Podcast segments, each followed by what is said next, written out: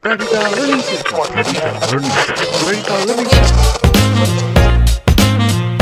PLC, PLC, PLC, PLC, PLC, PLC, PLC, PLC.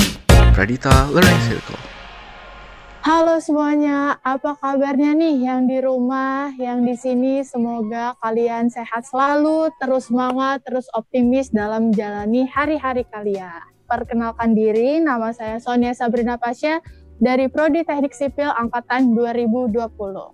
Oke, hari ini kita kedatangan uh, seorang sosok influencer muda, entrepreneur muda, yaitu Kak Fardiandi Kak Fardiandi ini merupakan uh, seorang influencer yang uh, bergerak di bidang digital marketing, yaitu uh, platform digital, kreatif yang bernama Sosial Kreatif.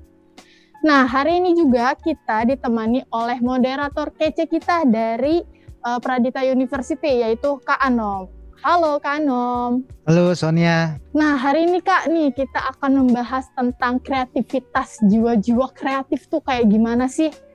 Nah, lalu menurut Kak Anom itu kreativitas itu kayak gimana sih? Apakah uh, kreativitas itu datang sendiri atau harus dibangun kreativitas itu?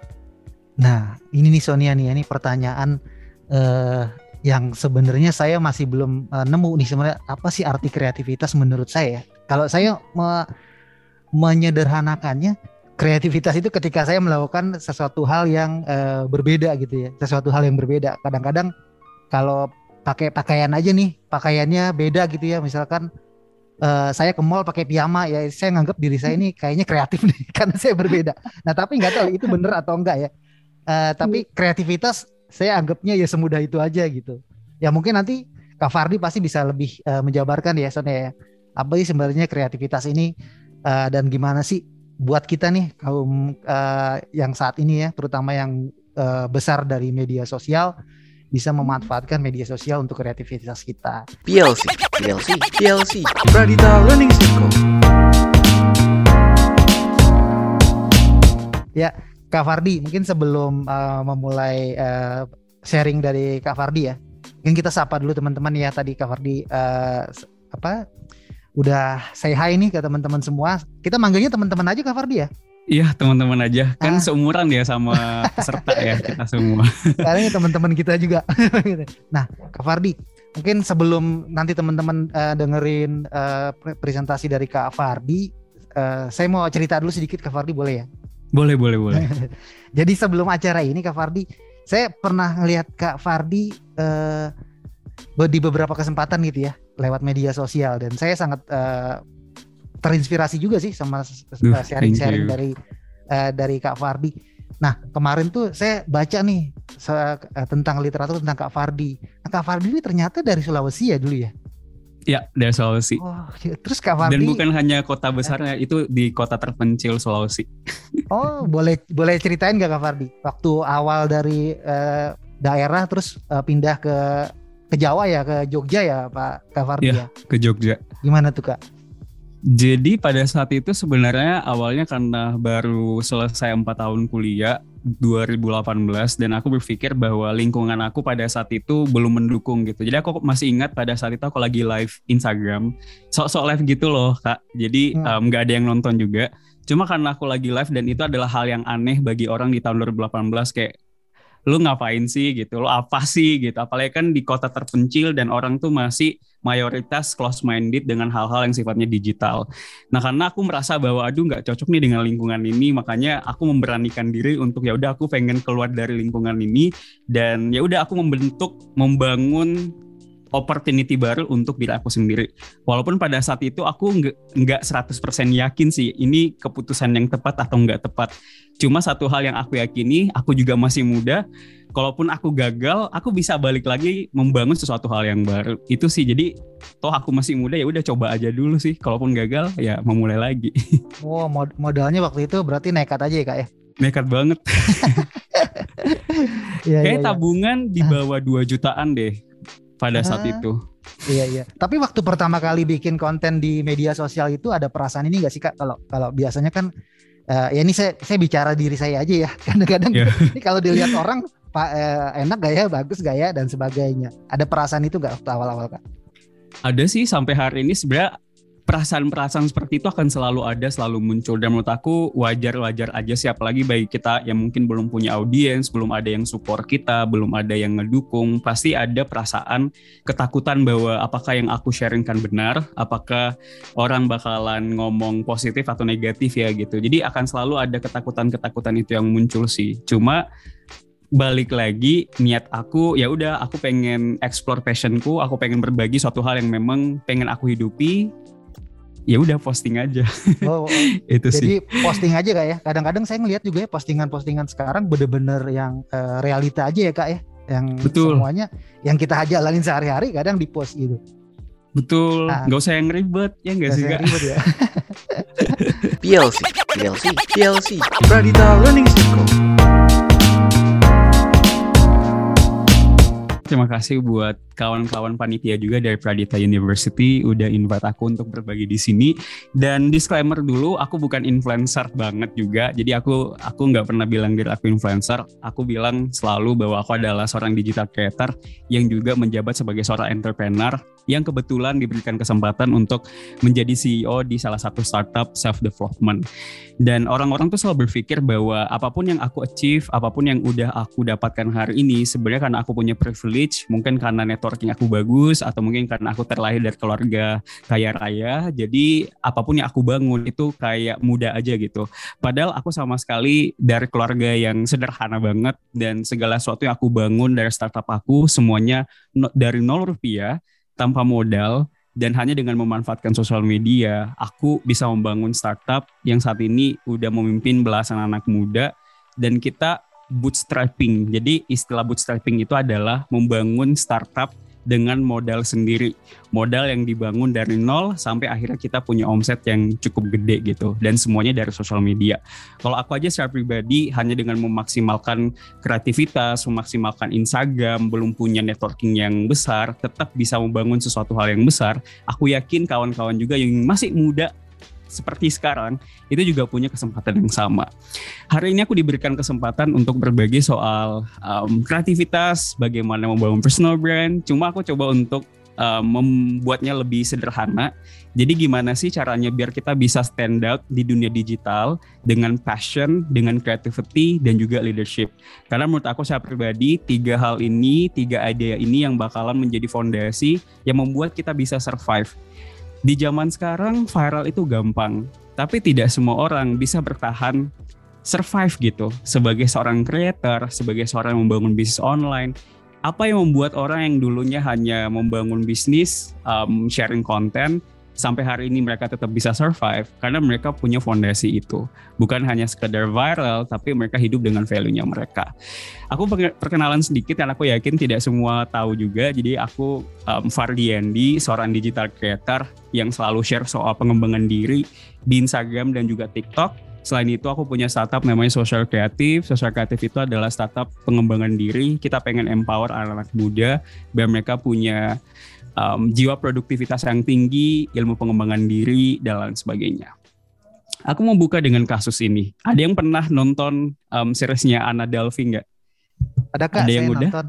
Oh nonton ya, Kak Anom juga nonton ya. Nonton. Menurut Kak Anom Iya. nih dari nonton series di um, Netflix yang Anna Delvey apa sih judulnya Inventing Anna ya. Heeh. Menurut Kak Anom, in your perspective ini gimana?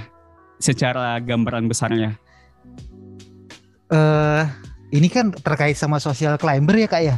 Betul. Eh, jadi eh, kalau saya melihatnya dari sisi eh, mungkin dari sisi anaknya ya, dia hanya Betul. mem- memanfaatkan bagaimana dia bisa mem- apa, membangun brandingnya dia dengan cara ya dia bergaul dengan orang-orang eh, yang terkenal ya, yang notabene orang-orang yang punya pengaruh sehingga eh, dia bisa mencapai eh, apa yang tujuannya yang dia inginkan dengan lebih cepat. Mungkin itu ya kak ya, betul nggak nih kak? Setuju, setuju, setuju. Karena gini, um, Anom setuju ya. Anak ini bukan siapa-siapa, bukan Betul. keluarga kaya raya, Ya. bukan orang yang punya privilege gitu.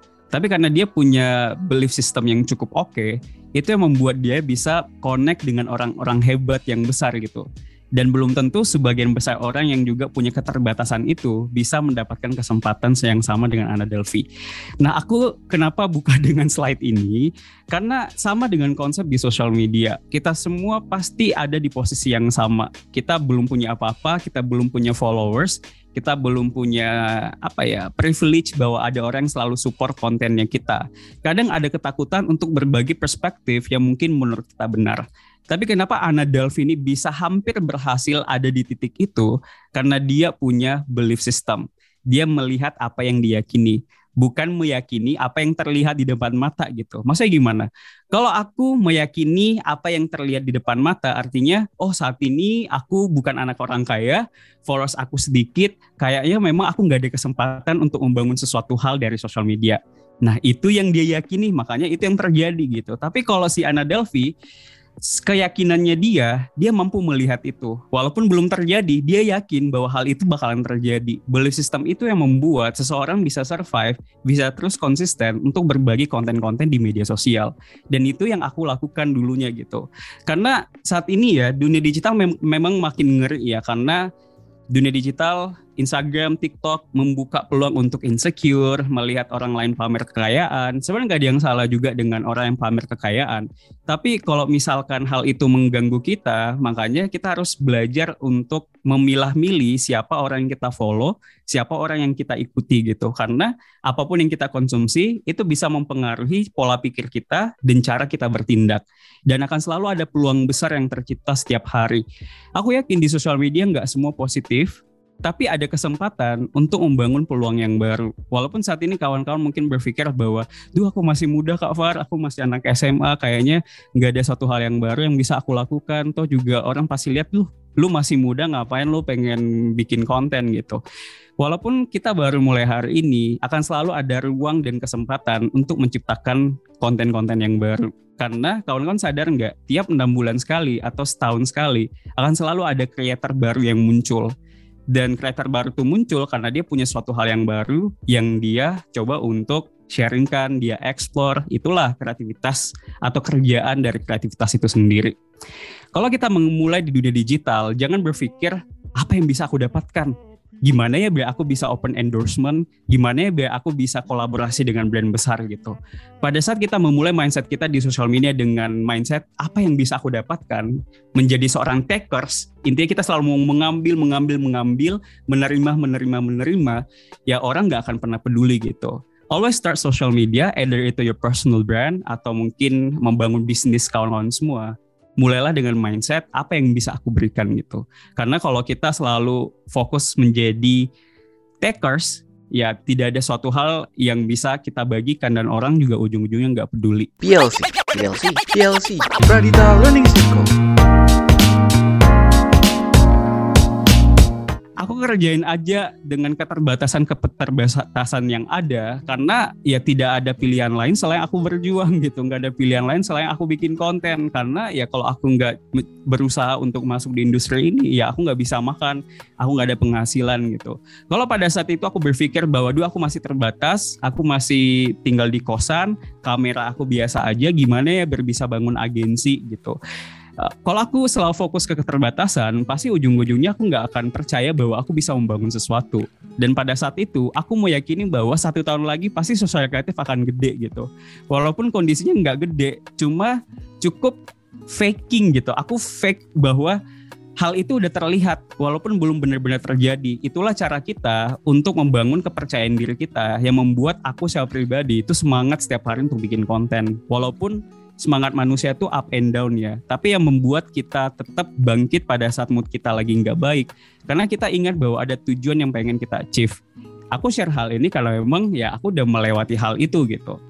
Bikin konten itu bukan untuk menjadi selebgram, bukan untuk menjadi content creator, bukan untuk biar wah biar punya banyak followers, biar banyak yang endorse gitu. No.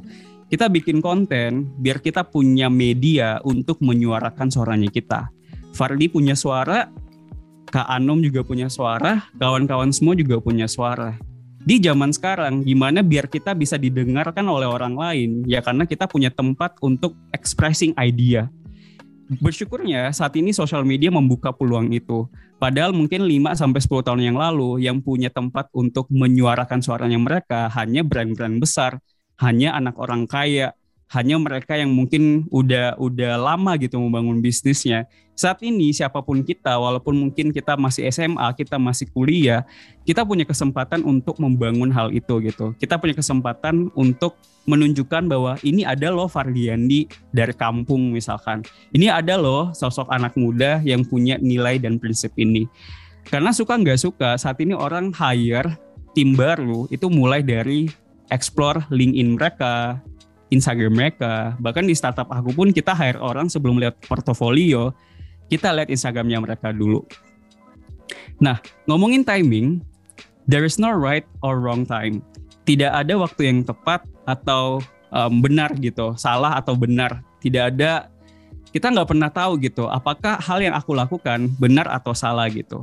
Karena kalau kita nggak coba, kita nggak melakukan, kita nggak berbagi, kita nggak bikin konten, kita nggak tahu hasilnya gitu. Dan lebih baik sekarang daripada nanti, dan lebih baik terlambat daripada tidak sama sekali. Nah ini adalah quote dari Simon Sinek yang selalu aku pegang biar tidak menunda-nunda, mulai sekarang, mulai eksekusi, karena akan selalu ada alasan untuk tidak mau eksekusi. Akan selalu ada alasan untuk tidak dan akan selalu ada alasan untuk iya gitu. Daripada kita hidup dengan menduga-duga andai saja lima tahun yang lalu atau setahun yang lalu aku bikin konten pasti hari ini aku punya audiens yang cukup gede gitu. Aku selalu punya mindset bahwa aku nggak pengen menyesal gitu dengan hal-hal yang memang belum sempat aku lakukan. Jadi kalau ada kesempatan aku bisa eksekusi ide itu aku eksekusi. Walaupun ujung-ujungnya gagal that's okay karena aku mencoba, aku tahu bahwa itu gagal. Kalau aku nggak mencoba, aku udah gagal gitu. Karena possibility untuk menang nggak ada kesempatan lagi. Dan ya aku mulai berbagi, konsisten, sharing suatu hal yang mungkin menjadi prinsip hidup aku. Karena aku mencintai apa yang aku sharingkan. Karena kalau kawan-kawan mau mulai untuk membangun personal brand, membangun konten, nggak usah ribet, nggak usah nggak usah baca buku terus cari ilmu-ilmu yang mahal terus kita bagikan. No, you don't have to do that. Kalau memang passionnya di situ nggak apa-apa. Tapi kawan-kawan bisa memulai untuk berbagi sesuatu hal sesederhana apa yang kita alami setiap harinya. Karena semakin simpel sebuah idea, semakin gampang konten tersebut bisa viral. Semakin gampang dikonsumsi orang oleh orang lain, semakin besar kesempatan konten kita akan menjangkau banyak orang. Makanya selalu mulai dengan topik-topik yang memang kawan-kawan senang lakukan. Karena kunci konsistensi memulai dengan niat yang benar. Karena gini, Farli nggak bisa menyenangkan semua orang di sosial media. Akan selalu ada orang yang nggak suka dengan konten aku. Apakah aku menyalahkan mereka? Nggak juga gitu. Karena aku nggak salah, mereka nggak salah. Kita cuma nggak satu value aja. Setiap kali ada niat aku um, pengen berbagi sesuatu di sosial media dan orang lain nangkapnya berbeda, aku nggak pernah sedih dengan hal itu gitu karena ya setiap orang pasti nangkepnya beda-beda dan bukan tugasnya Fardi untuk menyenangkan semua orang. Karena ketakutan terbesar aku di sosial media di awal-awal adalah aku takut niat aku A, orang tuh nangkepnya B. niat aku B, orang nangkepnya C. Jadinya ya nggak bisa nyambung gitu. Dan aku akhirnya belajar bahwa Farli nggak bisa mengendalikan audiensnya, nggak bisa mengendalikan followersnya. Yang Farli bisa kendalikan adalah Fardi dalam meresponi hal tersebut gitu. Makanya setiap kali ada yang judging, judgmental, I don't care because I have my own value gitu. Karena segala sesuatu yang aku hidupi selama itu bermanfaat, aku akan tetap lanjutkan gitu. Dan aku nggak perlu disukai oleh banyak orang. Gak apa-apa sedikit yang suka, yang paling penting mereka satu value dengan aku. Let's do it gitu. Nah, awal fondasi awal, kawan kawan-kawan harus mulai belajar untuk menentukan value yang ingin kawan-kawan bagikan. Dan tadi kan aku ngomongin value ya, di awal ngomongin value, masa gimana tuh kak gitu. Value itu adalah hal-hal yang menurut kita penting. Hal-hal yang mungkin menjadi nilai personal diri kita. Hal-hal yang kita yakini, hal-hal yang mungkin menjadi salah satu prinsip yang membuat kita ada hadir hari ini. Sebagai contoh, Salah satu value yang selalu aku hidupi adalah setiap orang punya makna suksesnya sendiri. Fardi punya journey sendiri, kawan-kawan punya journey sendiri. dan tidak perlu punya Tesla dulu baru bisa dibilang kaya raya gitu. Walaupun penghasilanku masih terbatas, selama itu cukup buat aku dan keluargaku, aku udah bahagia. Nah itu adalah nilai prinsip yang aku hidupi dan itu yang aku coba untuk bagikan. Dan kawan-kawan semua pasti punya nilai-nilai tersebut juga yang kawan-kawan bisa bagikan gitu. Dan itu mungkin bisa berupa passion, berupa prinsip, berupa ideologi yang menurut kawan-kawan tuh kawan-kawan seneng gitu untuk berbagi soal hal itu. Setelah punya value, baru pertanyaan selanjutnya how I communicate the values. Gimana caranya biar aku mengomunikasikan value? Karena di sosial media banyak banget value. Ada yang lebih pengen sharing soal finansial, ada yang lebih banyak sharing tentang pengembangan diri. Yang menjadi pertanyaan adalah topiknya mungkin bisa sama, tapi setiap orang punya persona masing-masing. Nggak ada Fardiandi kedua, nggak ada Felicia kedua, nggak ada, pokoknya nggak ada creator yang bisa sama gitu. Karena setiap orang punya personanya masing-masing. Di sinilah kawan-kawan mulai highlight, oke okay, value-ku udah ada, hal selanjutnya adalah gimana aku mengomunikasikan value aku. Apakah dengan mengedukasi, atau dengan menghibur, bikin konten komedi, atau bikin konten-konten yang galau-galauan, itu juga bisa tergantung persona kawan-kawan semua lebih nyaman mengomunikasikan value tersebut dengan cara seperti apa. PLC, PLC, PLC, Pradita Learning Circle. Nah, bikin konten kan butuh ide ya. Kadang ide itu menjadi apa ya? Fondasi pertama gitu, fondasi awal untuk bikin konten. Kalau kita nggak punya ide, nggak ada konten yang kita bisa eksekusi. Makanya harus ada yang namanya bank ide. Ide itu datang dan pergi. Pada saat mood kita lagi bagus, uh banyak banget ide yang muncul A B C D E sampai otak kita tuh pusing waduh yang mana lagi nih aku harus eksekusi gitu. Tapi pada saat kita lagi nggak mood, idenya tuh bisa hilang. Nah salah satu tips yang cukup membantu aku, aku pakai aplikasi Notion. Kawan-kawan bisa download, ini gratis kok. Gratis nggak ya? Aku lupa. Kayak gratis deh, gratis kayaknya ya. Notion jadi tulisannya itu Notion, Notion. Kawan-kawan bisa pakai ini. Jadi ini adalah cara aku tulis sebuah idea. Jadi setiap kali ada ide yang muncul, aku brainstorm di sini. Aku ketik judulnya. Nanti konten ini bakalan jadi video kah, jadi microblog kah? Semuanya aku coba untuk um, highlight di sini. Karena kan pada saat aku lagi nggak mood, aku bisa buka Notion aku. Oh ide ini yang ingin aku eksekusi. Ide ini yang bakalan aku bikin gitu kontennya.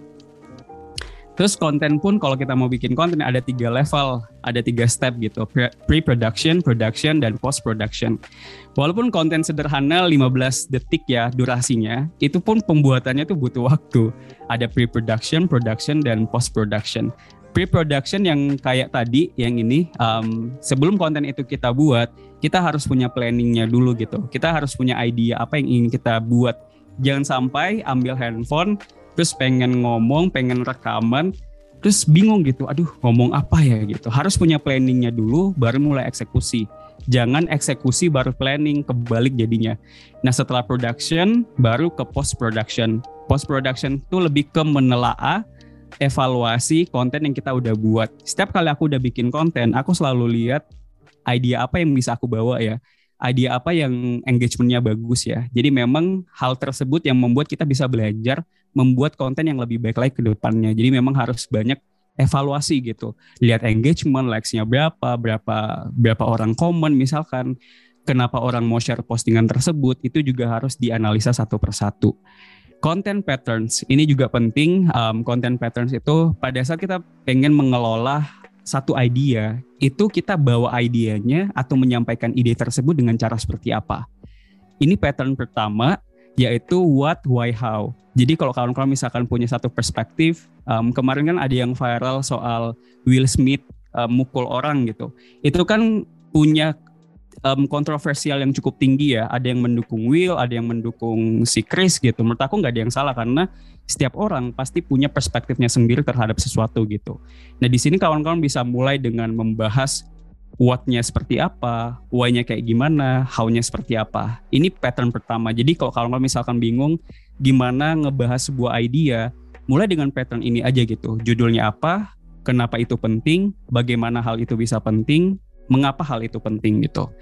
Pattern kedua, pada saat kawan-kawan pengen membahas sesuatu, ada headline, um, ada personal problem solution. Jadi kita ngomongin seseorang secara personal, entah itu tentang diri kita atau tentang orang lain, baru problemnya apa, terus solutionnya apa. Jadi sesederhana itu gitu. Pattern ketiga, pro, cons, action. Jadi ini salah satu konten yang aku bikin kemarin ngomongin Will Smith. Walaupun ada beberapa audiens yang nangkepnya berbeda, tapi nggak apa. Yang paling penting kita lihat dulu nih, pro-nya apa nih kasus ini gitu. Cons-nya apa? Dan kita sebagai creator, menurut kita yang benar yang mana, yang salah yang mana, dan nilai apa yang Farli ingin sampaikan. Dan itu yang Farli coba untuk tulis di action. Jadi pro, cons, and action. Terus yang terakhir, facts and opinion. Faktanya apa? Fakta apa yang kita pengen bahas gitu. Misalkan pawang hujan gitu. Faktanya hujannya berhenti misalkan gitu. Terus opini kawan-kawan apa terhadap pawang hujan itu. Hal-hal sederhana kayak gini kalau kita paham empat pattern ini, bikin konten tuh bakal lebih mudah ya. Ini slide terakhir, start monetizing. Jadi ngomongin personal brand, ngomongin bisnis, it's all about cuan. Siapa yang suka cuan? Angkat tangan. That's okay ya. Kita bisa apa ya? Um, uang memang bisa membangun sesuatu hal yang mendekatkan kita dengan mimpi kita tapi bukan berarti itu salah atau gimana karena tiap orang pasti punya perspektifnya sendiri. Nah selama ini source of my income from personal brand itu pertama startup sosial kreatif. Dengan personal brand dia bisa bertumbuh tanpa suntikan dana dan tetap bisa bertahan sampai sekarang dan punya apa ya pertumbuhan omset yang cukup gede walaupun nggak segede startup yang lain. Cuma ada improvement gitu karena ada personal brand. Kedua bisa membangun book publisher sendiri bisa collab dengan brand-brand besar ada sharing session juga, dapat AdSense juga. So semuanya dapat uang gitu. Cuma kenapa aku simpan uang cuan di slide terakhir? Karena sebelum kita mikir untuk apa yang bisa kita dapatkan, kita harus berpikir gimana ya biar konten aku punya impact. Gimana ya biar ada ada hal, ada nilai yang orang lain tuh bisa pelajari dari apa yang aku coba untuk bagikan karena semakin banyak kita beri gitu semakin banyak yang juga yang bakalan kita dapatkan cuma konsep sosial media itu kayak menanam padi gitu kita bikin konten di awal pasti kesempatan untuk viral masih kecil gitu. Tapi yang namanya proses itu pasti akan selalu ada. Kalau kita konsisten tiga bulan, enam bulan, setahun, pasti ada kesempatan satu atau dua konten kita bakalan viral. Di situlah kesempatan bakalan datang. PLC, PLC, PLC, Pradita Learning Circle. Luar biasa nih, saya menyimak ya, saya saya terkesima dengan cuan ditaruh terakhir ya cover dia. Jadi uh, kita niatnya nggak boleh ke situ dulu Kak Fardi berarti ya. Itu Betul. adalah bagian dari uh, impact positif yang mungkin kita akan dapatkan ketika kita sudah berniat di awal dengan dengan cara yang tulus ya Kak ya. Betul, betul. Uh, menarik sekali Kak.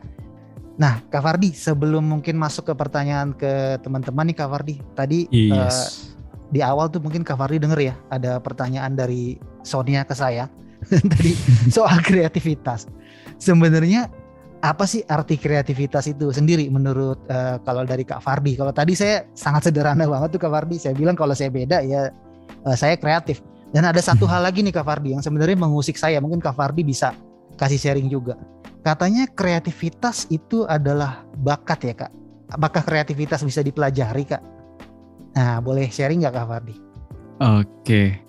Um, thank you for the question. Jadi sebenarnya kreativitas kalau menurut aku itu udah bener banget sih penjelasan dari Kak Anom. Jadi kreativitas adalah ability atau kemampuan kita untuk menciptakan sesuatu hal yang berbeda. Mungkin hal itu udah pernah ada, tapi kita mengemas hal tersebut dengan cara yang beda.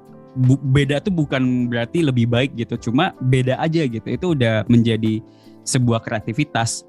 Karena kreativitas itu kemampuan, ngomongin skill, dan setiap skill itu bisa dipelajari. Jadi mungkin ada orang yang mungkin bisa terlahir kreatif karena orang tuanya seniman atau apa. Aku nggak tahu um, itu beneran ada atau enggak cuma pasti ada gitu. Aku pribadi bukan orang yang kreatif banget awalnya. Cuma karena semakin banyak hal yang aku konsumsi akhirnya aku bisa menciptakan ide-ide yang baru gitu. Karena menurut aku ya setiap manusia punya database kreativitas di otak mereka. Jadi Kak Anong punya database-nya, Farli punya database-nya. Tiap kali aku dikasih satu topik, aku bisa punya banyak problem solving dengan topik tersebut karena aku punya banyak database kreativitas. Database kreativitas ini datangnya dari mana? Dari apa yang kita konsumsi. Kita ikut webinar, mungkin ada beberapa istilah kawan-kawan bisa pelajari tadi, itu bisa keingat gitu. Itu masuk di database kawan-kawan semua. Ada satu topik tentang personal branding, kawan-kawan udah langsung punya idea tuh. Karena kreativitas database itu udah ada. Jadi menurut aku ya itu bukan hanya given, tapi juga bisa nurture. Ada orang dapat secara nature, tapi menurut aku saya pribadi itu bisa banget kita dapat dengan nurture, dengan banyak melakukan, banyak belajar, um, membangun koneksi, networking dengan orang yang tepat itu juga bisa membangun kreativitas. Itu sih. Oh, jadi kak ya kalau ada orang yang ngejudge kita, wah kamu nggak kreatif nih, wah itu belum tentu juga ya kak ya. Belum tentu. Karena belum tentu. Kita bisa mencapai kreativitas dengan dengan belajar juga ya kak. Betul. Hmm. Oke kak, ini sudah ada beberapa pertanyaan nih kak Fardi dari uh, teman-teman. Mungkin kita minta open mic aja ya kak Fardi ya. Boleh, boleh. Ah, Oke, ini saya urut dari yang pertama ya. Uh, ada Kusuma di sini ya. Halo Kusuma, Kusuma. halo Kusuma. Boleh open mic-nya Kusuma. Halo, Halo. Hai. Kusuma da- dari mana? Ada di mana? Dan bo- boleh kasih tahu per- pertanyaannya. aku dari Bali. Hah? Oh, wow. Ya, wah jauh ya dari Bali. Sebelumnya, makasih banyak ya atas eh, ilmunya. Di sini aku mau nanya cara mengatasi kalau udah kehabisan ide untuk bikin konten. Oke. Oke, Siap. La- langsung dijawab aja Kak Fardi ya. Iya, Di- kayak. Ah, oke. Makasih Aku lupa. Kusuma. Pertanyaannya gimana kalau kehabisan ide untuk konten Kak Fardi? Gimana tuh Kak kira-kira? Oke, em, banyak yang berpikir bahwa aku tuh tiap hari pasti bisa bikin konten, bisa kreatif, nggak pernah stuck, pokoknya hidupnya positif terus gitu. Padahal nggak juga, akan ada momen tuh kayak stuck, nggak tahu mau bikin konten apa. Nah makanya salah satu idea yang bisa ngebantu aku tetap bisa bikin konten walaupun lagi nggak mood, karena aku punya bank ide itu. Jadi memang harus pada saat mood kita lagi baik, tulis tuh ide-idenya sebanyak mungkin gitu. Nggak harus langsung dieksekusi, yang paling penting kita punya bank ide. Itu yang pertama. Kedua, ide kreatif itu bisa muncul atau ide-ide itu bisa muncul setelah kita belajar, setelah kita komunikasi, setelah kita um, baca buku misalkan dengerin podcast dan itu bisa ngebantu kita juga gitu. Karena semakin banyak yang kita konsumsi semakin banyak ide yang kita bisa um, kerjakan ide yang kita bisa eksekusi menjadi sebuah konten. Kalau bener-bener aduh nggak bisa nih bang idenya nggak ada um, aku juga lagi malas belajar cukup scrolling aja di Instagram dan TikTok gitu. Lihat gitu orang tuh bikin konten kayak gimana. Ingat pada saat kita lagi scrolling reels atau FYP TikTok niatnya harus benar bukan untuk hiburan tapi untuk apa ya riset konten gitu. Karena kalau niatnya di awal oke aku pengen riset konten A gitu tapi bablas lihat lihat lihat dua jam nggak dapat apa-apa. Cuma kalau memang niat kita pengen riset konten kita beneran 30 menit itu lihat konten orang lain untuk mempelajari orang tuh bikin konten kayak gimana. Karena menurut aku ya konten terbaik itu tercipta dari belajar konten orang lain. Karena kenapa? Di dunia ini nggak ada um, ide yang benar-benar baru gitu. Kita hidup dari satu ide ke ide yang lain gitu. Jangan terlalu takut bahwa nuh nanti aku dibilang jiplak ambil konten orang lain.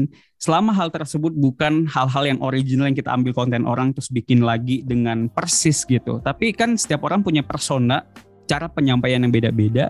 Dari situ kita bisa membangun hal yang berbeda pula itu sih menurut aku soal stack idea tiga hal tersebut yang membantu aku selama ini semoga membantu Terima kasih, Kak. Terjawab ya Sama-sama. Kusuma ya. Jadi kalau kata Kak Fardi di dunia ini nggak ada sesuatu yang benar-benar baru ya kak. Semuanya dimodifikasi ya. Semuanya dilihat dari tempat lain kemudian di eh, di recontent ya kak kali ya. Di- Dibuat lagi jadi sesuatu yang baru. Oh. Oke. Baik itu dari Kusuma. Ada lagi nih kak. Langsung aja ya kak Fardi ya. Ini dari Boleh. Welly. Eh, Welly ada di sini Welly. Hai Welly Hai Kak Badri. Halo. Halo. Ya. Halo. Boleh langsung ke pertanyaan ke Welly. Eh Welly ada di mana nih? Oh, ada di Bangka Belitung. Oh Bangka Belitung. Oh, jauh-jauh Wah, banget jauh-jauh ya. juga ya. Silakan Welly ke pertanyaannya. Oh, makasih kak. Oh, mau tanya nih kak Fardi oh, mengenai bikin konten kan pas kita habis bikin konten share ke Instagram terus kita pas lihat uh, konten orang-orang ternyata ada perasaan insecure gitu gimana cara mengatasinya kak kasih kak Wah ini ini tadi sama yang kayak sama saya nih Kak Fardi nih. Iya silakan Kak. Oke, okay, um, pada saat kita di awal pengen bikin konten, kita udah semangat tuh, aku pengen jadi konten creator. Kita posting, waduh kok postingan aku nilainya satu, postingan orang kok nilainya sembilan, jauh banget gitu. Pasti orang lebih pengen mengonsumsi nilai sembilan itu gitu. Nah satu hal yang ingin aku highlight adalah sebenarnya pemikiran seperti itu nggak salah ya. Eh, aku juga pernah berpikiran hal yang sama. Jadi itu wajar untuk orang-orang mungkin baru pertama bikin konten.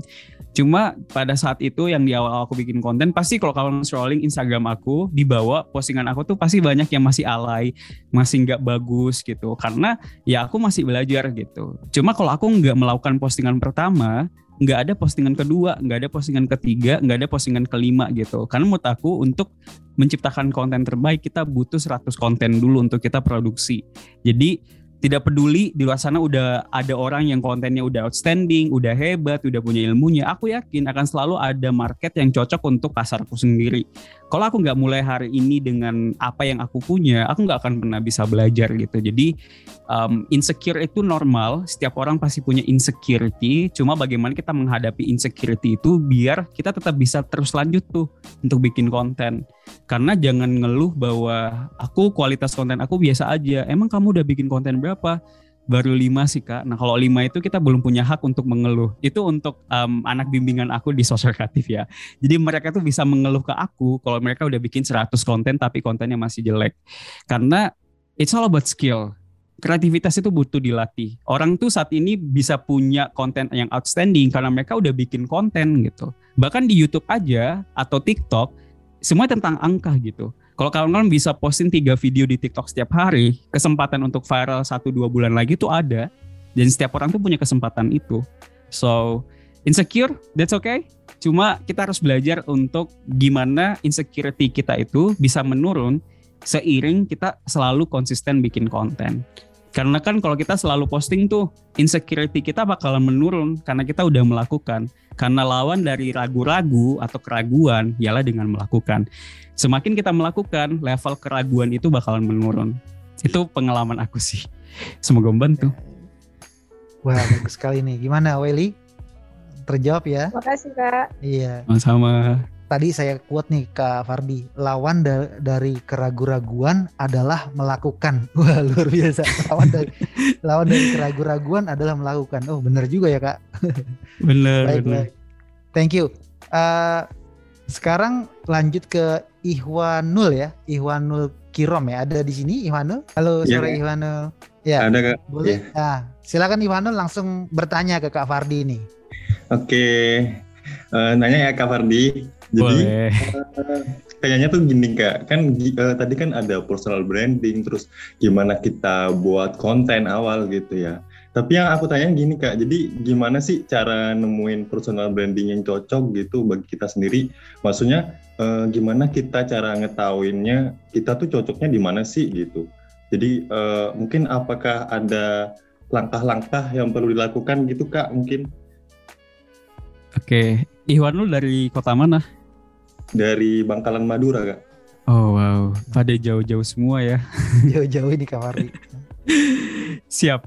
Oke, okay, um, aku coba jawab ya. Jadi kalau misalkan ngomongin soal personal brand, kita kan ngomongin konten. Kalau ngomongin konten, kita ngomongin niche. Niche itu adalah um, audiens atau topik yang ingin kita bahas karena beda generasi, beda gaya bahasa, beda cara penyampaian, beda pula kontennya. Yang menjadi pertanyaan, gimana biar aku bisa tahu bahwa itu adalah topik yang cocok untuk diriku. Ini adalah branding yang tepat untuk Fardiandi gitu. Jawaban aku nggak ada jawaban yang spesifik gitu karena gini branding itu ada tiga level Level pertama itu exploration, level kedua discovering, terus level ketiga beneran wah this is my branding gitu. Artinya ada yang namanya level exploration di mana kita itu menjadi Pak Lu Gada. Apa lu butuh gue ada. Motivator boleh. menjadi bisnis juga boleh. Karena menurut aku di awal-awal tuh nggak ada masalah kalau misalkan kita pengen explore sebuah idea. Karena kan setiap orang pasti punya value yang banyak. Jadi kawan-kawan mungkin bisa pilih satu sampai dengan tiga value di awal Oke, aku pengen bahas pengembangan diri, aku pengen bahas soal tips finansial, aku pengen bahas soal keluarga. Nah, tiga ini yang dipegang dulu nih, dibikin, dieksplor 1 sampai 3 bulan, baru mulai evaluasi. Oh, ternyata yang bakalan cocok sama aku tentang pengembangan diri nih, audiens aku juga lebih suka pengembangan diri. Oke, okay, this is my branding gitu. Jadi aku saya pribadi membangun personal brand tanpa belajar soal ilmu personal branding. Jadi aku explore dulu tuh yang mana yang menjadi passionku, yang mana yang aku senang untuk bagikan nanti along the way along the process aku bisa belajar bahwa oh yang cocok tuh ini baru aku mulai lakukan jadi kawan-kawan semua jangan pernah takut untuk gonta-ganti idea yang ingin kita eksplor cuma jangan keseringan juga ya. Jadi kalau misalkan kita udah decide bahwa oke okay, ada tiga value yang ingin aku bagikan di awal tiga bulan sampai enam bulan fokus konsisten itu dulu. Nanti setelah tiga atau enam bulan evaluasi oh ternyata ini yang lebih cocok itu yang kita eksekusi. Jadi memang menurut aku langkah terbaik ialah dengan melakukan langkah pertama. Baru mulai evaluasi. Dari situ kita bisa menemukan branding yang tepat. Karena di Instagram aku pun dari tulisan ke video, ke fotografi, tulisan, video. Jadi muter-muter terus tuh sampai menemukan audiens yang memang rela dan siap mengonsumsi konten aku terus. Gitu sih. Semoga membantu. PLC, PLC, PLC, Pradita Learning Circle. Nah ini kita lanjut ya. Ini Kak Fardi ada Henry Agusman nih. Kayaknya telat tadi datang ya. Tapi mau nanya boleh nggak? Oh boleh Henry. Ya. Nggak boleh. boleh boleh boleh boleh. Silakan Henry. Henry dari mana nah, nih ini Henry? on cam nih benar. Nah, oh iya benar ya. Oh, Henry iya. dari mana nih asalnya? Kalau saya dari Lampung nggak? Dari Lampung. Oke silakan oh. pertanyaannya Henry. Oke baik. Uh, izin bertanya kepada Kak Fardi mohon maaf sebelumnya belum bisa ikut materinya karena tadi harus hadir sidang di kampus dulu jadi baru wow. selesai. Nah ingin saya tanyakan tadi kan kita bicara kreativitas ya kak. Nah yang saya lihat tadi di yang saya lihat kemarin-kemarin itu di fanpage-nya Pradita bahwa e, kreativitas itu bisa diwujudkan dalam tiga hal gitu ide, produk dan juga gagasan seperti itu. Nah yang ingin saya tanyakan apabila sudah dibahas tadi mohon maaf ya kak karena belum tahu. Sebetulnya apa sih kak komponen komponen-komponen yang harus diperlukan untuk membentuk kreativitas? Gitu komponennya apa saja. Kemudian bagaimana cara kita melatih kreativitas kita untuk bisa melahirkan untuk bisa menjadi ide atau produk atau jasa atau gagasan gitu. Jadi gimana cara kita melatih kreativitas kita untuk bisa uh, berubah menjadi ide, produk dan gagasan gitu. Kemudian yang kedua uh, ada nggak sih kak pengaruh big dream, big dream kita terhadap kreativitas kita gitu. Terima kasih mungkin itu aja kak. Ya terima terima kasih Henry. Ya mungkin Kak Fardi bisa langsung menjawab ya kak. Oke, okay, halo Henry. Komponen ya. Oke, okay, bahasanya agak cukup tinggi ya. anyway, kalau misalkan nggak apa, it's okay, it's it, it's good menjadi orang akademik gitu. So komponen-komponen di dalam kreativitas gimana sih stepnya gitu. Kalau aku saya pribadi memang um, kita harus sadar bahwa kreativitas itu ada yang nature, ada yang nurture. Nature itu adalah orang yang memang terlahir dari keluarga yang punya DNA kreativitas tertentu dan dia juga bisa seperti itu memang memang sebagian besar ada gitu. Tapi aku secara pribadi mendapatkan kreativitas dari nurture, dari dilatih. Nah dilatih ini komponennya seperti apa? Ya dimulai dengan suatu hal yang memang kita senangi dulu. Itu step pertama. Fardi itu senang dengan hal seperti apa sih? Value yang Fardi pengen bagikan tuh yang kayak gimana? Oh Fardi pengen um, berbagi soal pengembangan diri karena ini adalah passionnya Fardi tentang ide ini gitu. Pada saat udah ada tuh tentang pengembangan diri, baru mulai untuk memperbanyak ilmu-ilmu tentang pengembangan diri tersebut. Karena karena kreativitas juga butuh ilmu, butuh basic ilmu gitu. Biar kita tuh nggak asal ngomong doang, ada um, ada gambaran terhadap ilmu dasar dari topik yang ingin kita bagikan. Nah setelah itu hal yang kita harus pelajari adalah yang tadi aku sempat bahas adalah database kreativitas. Nah database kreativitas ini hadir lahir dari ilmu-ilmu yang kita konsumsi, ilmu-ilmu yang kita serap. Kalau ada satu topik yang muncul, let's say pawang hujan, jadinya itu database kreativitas kita tuh semakin banyak. Kok bisa semakin banyak? Karena banyak hal yang kita konsumsi. Kenapa orang-orang udah lama bikin konten, ide dia tuh selalu outstanding karena dia udah lama bikin konten saya udah bikin seribu konten dan seribu konten itu ada seribu database kreativitas. Setiap kali ada topik yang muncul, dia tuh bisa mengeksplor sebuah idea dari database kreativitasnya dia. Jadi menurut aku saya pribadi ya, um, kalau kita pengen punya kreativitas yang tinggi, ya memang harus memperbanyak database kreativitas itu juga. Terus yang kedua harus explore dan melakukan. Karena dari postingan pertama sampai postingan ke seribu misalkan itu pasti improvementnya beda-beda. Di situlah kreativitas bisa kebangun. Kalau kita ngomongin soal nurture-nya itu pertanyaan pertama. Kalau yang kedua apakah um, big dream bisa mempengaruhi kreativitas atau gimana tadi pertanyaannya pertanyaan kedua tadi apa Henry di pertanyaan kedua ini dulu kak sebelumnya gimana cara kita ngelatih ide kreativitas kita itu untuk bisa berwujud uh, produk atau jasa seperti itu. Kemudian oh, tadi okay. pertanyaan selanjutnya, big dream itu ada pengaruhnya nggak sih untuk kreativitas kita gitu? Okay. ide kreatif ini kita bisa sesuatu, either itu sebagai sebuah gagasan, sebuah produk itu seharusnya seperti apa gitu. Jadi kawan-kawan harus kembali ke tujuannya lagi. Kalau aku saya pribadi waktu bangun sosial kreatif kan memang end goalsnya karena kan setiap kreativitas pasti punya end goals. End goalsnya adalah membangun agensi media sosial. Artinya yang aku produce dari kreativitas aku adalah konten jasa pembuatan media konten media sosial gitu. Itu adalah produk atau jasa yang ingin aku produksi. Dan sebelum ada produk tersebut, tugas aku adalah mengumpulkan audiens yang memang cocok untuk produk itu. Orang tuh kalau ngomongin bisnis zaman dulu, mereka tuh fokus ke produk dulu gitu kayak produk yang laku sekarang apa ya? Oh, daster. Ya udah deh aku beli daster banyak. Pada saat udah punya banyak stok daster, bingung. Waduh, ini dijual ke mana nih gitu di zaman sekarang kita mulai dengan kreativitas, bikin konten kreatif, bikin konten yang sesuai dengan passionnya kita. Pada saat udah punya audiensnya, udah punya orangnya, baru mulai mikir, audiens aku usianya 18 sampai 25.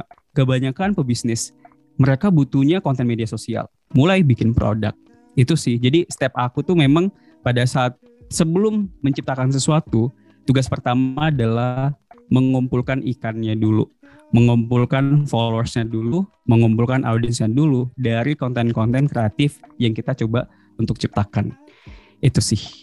Semoga membantu. Big Dream aku lupa. Itu tadi pertanyaan gimana? Apakah aku nggak catat. Apakah Big Dream ini ya tadi Henry ya berpengaruh terhadap kreativitas ya? Oh iya.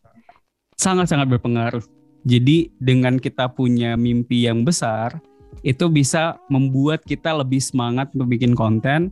Karena ada semangat kita pasti um, apa ya terpacu untuk bikin konten-konten yang lebih kreatif. Jadi selama ini apa pun yang aku achieve semua dari mimpi sih. Jadi um, aku pengen sosial kreatif gede aku pengen punya income segini aku pengen kolaborasi dengan brand ini. Start from big dream gitu. Dan big dream itu bisa tercapai atau enggak tergantung apa yang kita lakukan hari ini. Itu sih. Semoga menjawab. Thank you Makasih Kak Fardi. Gimana Henry? Sudah, sudah terjawab ya? Alhamdulillah, terima kasih Kak Fardi. Ya. Baik, terima kasih Kak Fardi. Nah, mungkin kita lanjut lagi Kak Fardi ya. Ini pertanyaannya cukup banyak nih Kak Fardi. Boleh. Iya, semoga Kak Fardi belum capek nih. Nah, ini yang, yang pertanyaan no. selanjutnya Nggak ini kok. dari uh, Yovania nih, tapi uh, Yovania izin untuk tidak open mic Kak Fardi. Jadi minta dibacakan saja. Saya bacakan ya Kak. Saya ingin bertanya apakah ada tips atau saran dari Kak Fardi soal pengambilan video atau foto agar hasilnya bagus? Itu pertanyaan kedua, pertama. Yang kedua, lalu adakah tips pengeditan video? Yang ketiga, saya masih bingung soal pengambilan video untuk konten karena hasil video suka tidak stabil dan ketiga post kualitasnya rusak. Nah ini ini teknis nih Kak Fardi nih. Nah ini Kak Fardi sebagai uh, praktisi, mungkin Kak Fardi bisa kasih tipsnya nih. Silakan Oke, okay. Um, kalau ngomongin soal hal teknis, apalagi ngomongin video, itu memang nggak cukup kalau aku ngejawab di sini. Cuma aku coba untuk highlight hal-hal yang sederhana aja.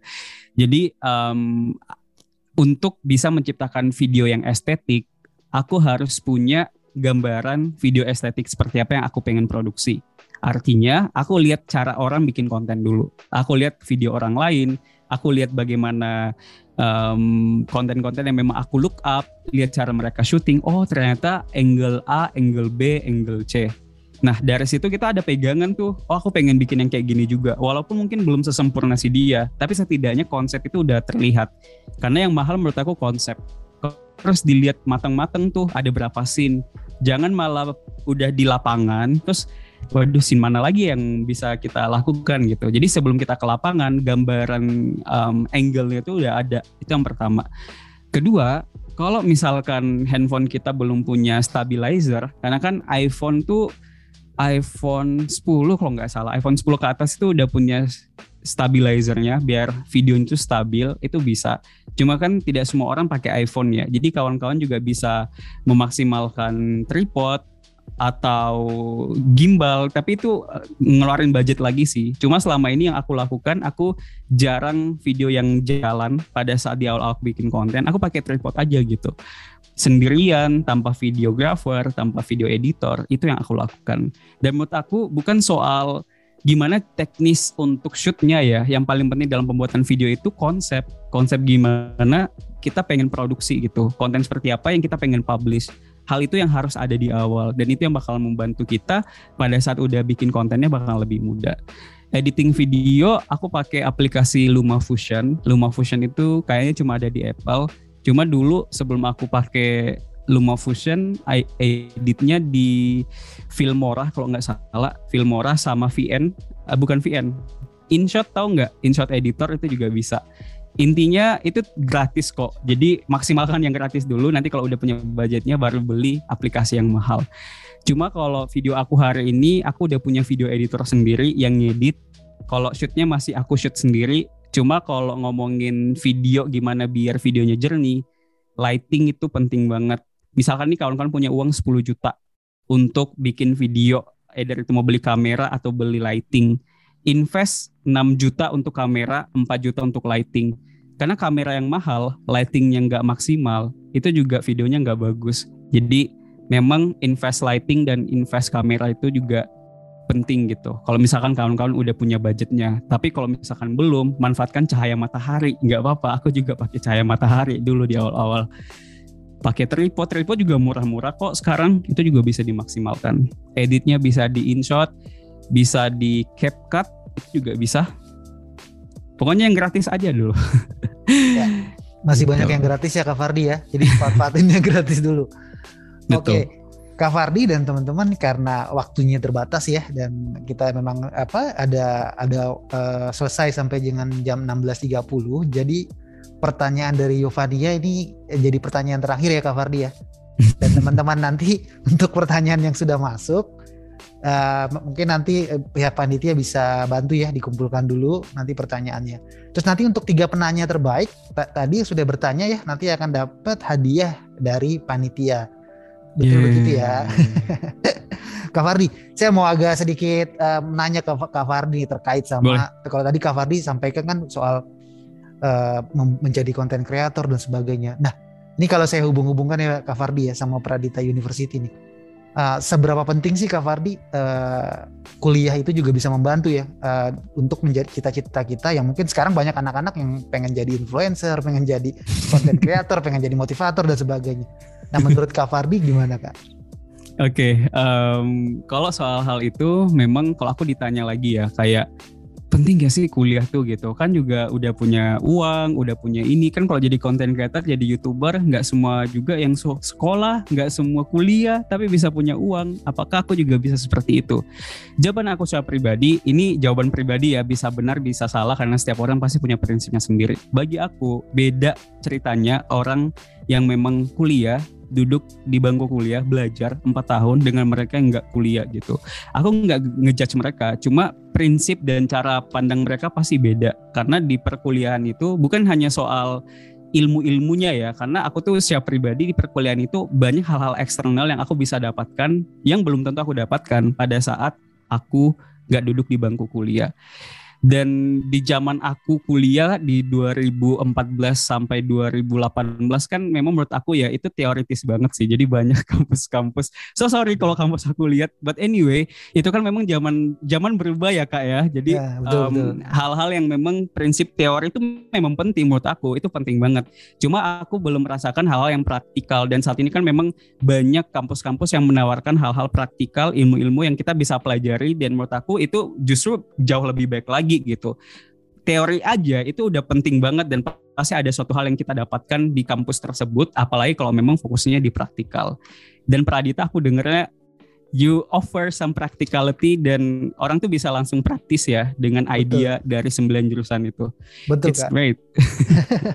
Betul kak. Ini ini nggak lepas dari dukungan uh, holding Sumarekon ya kak. Karena kita kan emang satu uh, satu keluarga dengan Sumarekon Agung dan kita didukung sama banyak korporasi. Jadi emang banyak uh, perkuliahan yang uh, kita lakukan nggak hanya teori kak, tapi juga banyak prakteknya. Kalau Kak Fardi senang kuliah yang teori atau yang praktek kak? Um, teori 10% aja sih kalau aku. Jadi aku kenapa aku nggak tahu ya kalau teori itu kadang aku aku ngantuk gitu loh. Makanya um, aku butuh yang praktek biar karena kan di dunia kerja kan kita nggak ditanya ya soal apa definisi kreativitas. Kreativitasmu kayak gimana? Iya, Jadi iya, emang iya. harus um, skillnya tuh ke ke ke asah gitu. Betul betul kak. Jadi emang yang sekarang ini banyak anak-anak nih sama kak nih saya kalau lagi uh, sharing sama teman-teman di SMA pasti di pertanyaannya kak kak ini kuliahnya banyak teorinya atau prakteknya? Gitu nah kak dukung.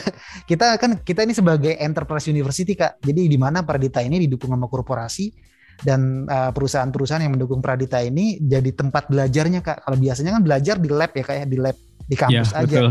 Ini Betul. kita bisa belajar langsung kak di di perusahaan-perusahaan yang uh, mendukung wow. Pradita University. Aku pengen ya. ke Sumarekon belajar. Oh boleh kak. Fardi pokoknya nanti kalau ke Gading Serpong mampir ya ke kampus yes. kami ya. Ya. Siap. Kakak suka main gak ke Gading Serpong? Um, selama pandemi ke Jakarta Serpong Tangerang itu kayaknya baru empat kali deh um, bolak-balik. Waduh, semoga nanti kalau pandeminya udah berakhir kak ya, kita bisa iya. ketemu iya. lagi secara offline ya kak.